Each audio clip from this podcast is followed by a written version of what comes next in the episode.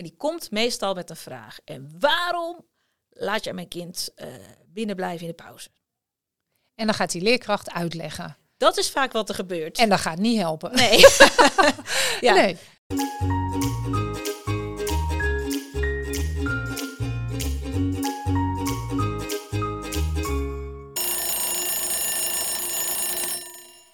Welkom bij 10 Minuten, een podcast over samenwerken met ouders in het basisonderwijs.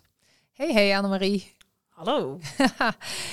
Jij hebt ongetwijfeld een casus bij de hand. Zoals altijd. Ja, mhm. ik um, wilde een casus inbrengen van uh, emotionele ouders. En dan in dit geval komen leerkrachten vaak met boze ouders. Die dus ja, vaak op een uh, niet gepland tijdstip boos binnenkomen.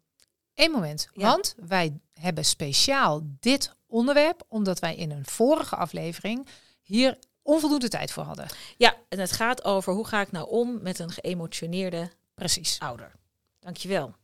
Um, dit is even de casus van een, uh, die ik nu kan inbrengen van een moeder die heel boos is dat een leerkracht voor de zoveelste keer haar kind uh, iets later pauze heeft laten houden omdat het kind ergens een straf voor had. En de straf was dan nog even een gesprekje met de juf voordat je uh, buiten mag spelen. En die moeder die komt boos de school binnen. Heb, heb jij informatie over het tijdstip, de situatie waarop die moeder dan binnenkomt? Dat was na schooltijd. Oké. Ja. ja, die hoort dat van het kind of die, die, die vangt het kind op uh, na. Die komt het kind ophalen, ja. hoort dat van het kind, stiert naar binnen. Ja. Dat? Oké, ja. Oké. Ehm, ja, en dan? Ja. Dat is dus de vraag. Dat is de vraag. Um, misschien even eerst een beetje afpellen. Hè? Want um, ik denk dat het goed is om ons te realiseren dat ouders een emotionele band met hun kind hebben. En, ja, en die blijft ook een leven lang. Ouders blijven aan het kind verbonden. Mhm. Hè? Um, en die band die kan, die is heel hecht. En ouders voelen zich verantwoordelijk. Hè? Voor het kind zijn ze ook. En dat voelen ze zich vaak ook. Hè? Um, dat betekent dat als de ouder merkt dat er iets um, met het kind niet lekker loopt op school, dat het de ouder iets doet. Dat is denk ik bij elke ouder zo. Hè? Dat raakt je. Dat is wel te hopen, ja. Ja. Als daar dan zelf ook nog uh, verleden op zit met soortgelijke thematiek. Bijvoorbeeld hè, een, een, kind dat geplaagd wordt op school, de ouder heeft een pestverleden in zijn jeugd. Ja, dan komt dat loeihard binnen. Hè? Dus daar weten we allemaal niet of dat hier uh, aan de hand is. Ja dat soort geschiedenissen kunnen mensen met zich meedragen. Hoe dan ook, emotionele band uh, en uh, gevoelde verantwoordelijkheid. Wat ik weet uit uh, wetenschappelijk onderzoek is dat ouders de neiging hebben om ook heel lang te wachten voordat ze naar de school toestappen als zij merken dat er iets speelt. Ja, He, dus, herken ehm, ik. Ja, en um, dat, nou, dat zou in deze casus aan de hand kunnen zijn, weten we niet. Hè? Maar als het, was wel al meerdere malen gebeurd, dus het is waarschijnlijk ook logisch dat dit een opgestapelde frustratie was. Ja, jij noemde in de voorbereiding uh, dit een vol bonnenboekje, klopt dat? Dat klopt. Ja, dat vond ik wel mooi uitgezet. Ja, dan is de ouder zeg maar de zegeltjes gespaard en dan op een gegeven moment dan is het bonnenboekje vol en dan komt hij met de volle emotie uh, erin. ja. ja dan heeft die ouder op dat moment het gevoel. En nu, nu is het klaar. Ja. Nu moet ze naar me luisteren. Ja. ja. En dan stiert die ouder de school binnen. Hè? Dus dit hebben we allemaal al eventjes, uh, ja. eventjes uh, doordacht uh, zo met elkaar.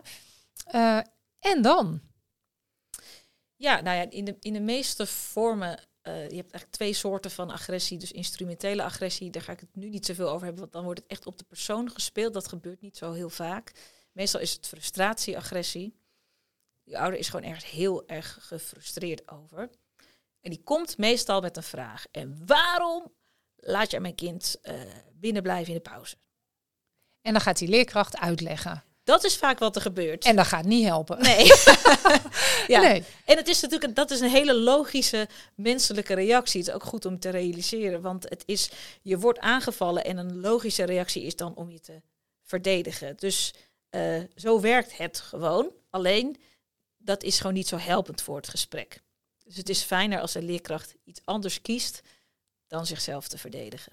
Ja. En wat kan die dan bijvoorbeeld kiezen? Zeggen, jee, ik zie dat je boos bent. Precies, ja. Ja, Ja, goh, gevoelsreflectie geven. kom even zitten. boos. ja, ja. ja. dat werkt veel beter, want je wordt eigenlijk door die ouder vaak verleid met die vraag om in te gaan op de inhoud. Alleen die ouder is zo boos, is helemaal nog niet in staat om het over de inhoud te hebben. En dan kom je in een wel eens niet dus. En daar wil je, dat is niet constructief. Dus inderdaad helpt het dan om te Ik herinner me ook uit die vorige podcast dat we daar eindigden. Hè?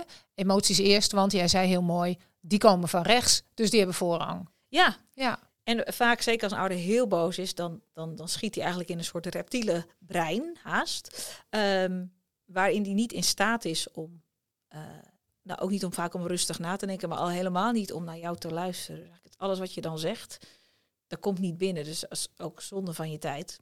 En het gesprek knap, knapt daar zelden van op.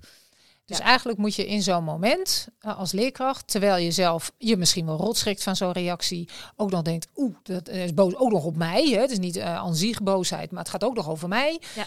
Eh, dan moet je toch het lef proberen te hebben om te zeggen, goh, ik zie dat u boos bent. Ja, of ook de rust eigenlijk proberen Ja. te, te hebben. Dat je op een bepaalde manier daar. Eigenlijk wat, je, bij- wat ze bij kinderen ook kunnen, natuurlijk. En dan denk je gewoon: oké, nou, ik. ik en eh, eh, joh, ik zie dat je heel boos bent. Vertel. En dan die ouder gewoon even laten praten. Ja, inderdaad, want jij hebt. Dit is nu de derde keer dat je hem binnen laat spelen in de pauze. En hij vindt juist eh buitenspelen zo fijn. En dat pak je van hem af.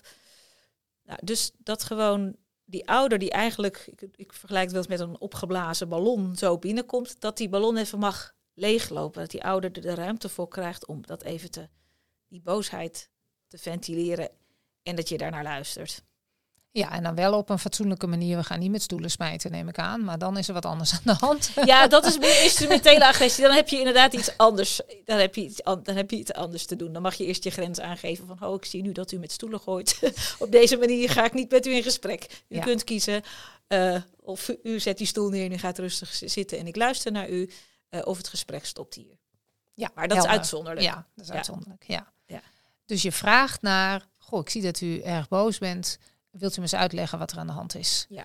Eh, en ik kan me voorstellen dat dan wat doorvragen ook kan helpen. Hè? Dat je, eh, ja, die laat die oude leeglopen. Hè? Maar jij wil ook goed snappen waar het hem zit. Hè?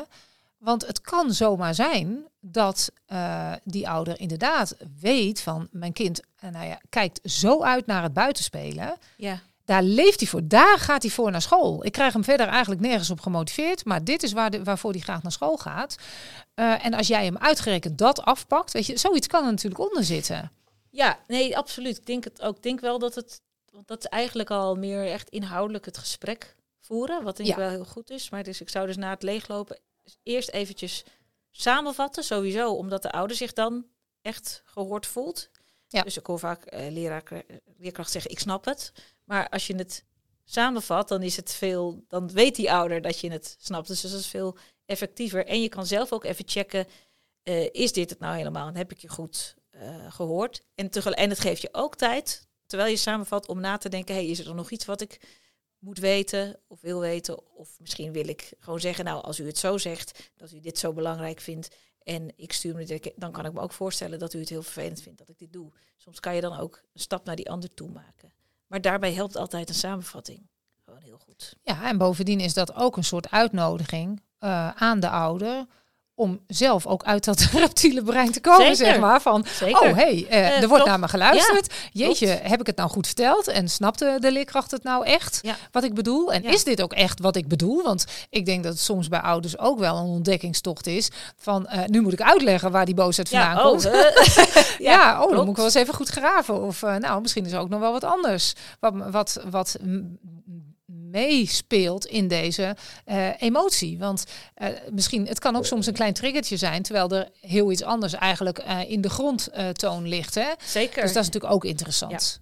En het, en het fijne is ook dat, eh, want soms heeft een leerkracht daar natuurlijk ook een hele, in, in ieder geval in zijn ogen, gegronde reden voor. Dus als je echt eerst geluisterd hebt, het samengevat in die ouders is rustig, dan kan je dan ook vragen, en vindt u het goed dat ik, dat ik iets vertel over eh, hoe ik het zie, eh, wat er is gebeurd? En vaak is de ouder dan wel bereid om daar ook naar te luisteren en kan je dan daarna zoeken van, oké, ik hoor u zeggen, dit werkt niet of u heeft hier last van. Nou, ik zit er ook mee dat ik, ik wel echt iets moet met dit gedrag. Want het is echt niet werkbaar en andere kinderen hebben er last van. Ja, en dan, als, als dat er allebei kan zijn, dan heb je volgens mij een bodem gelegd voor eigenlijk het gesprek wat je te voeren hebt. Ja, ja mooi. Nou, dat op precies 10 minuten. Het is uh, ongelooflijk. Wij ronden af. Wij ronden af. Tot een volgende keer.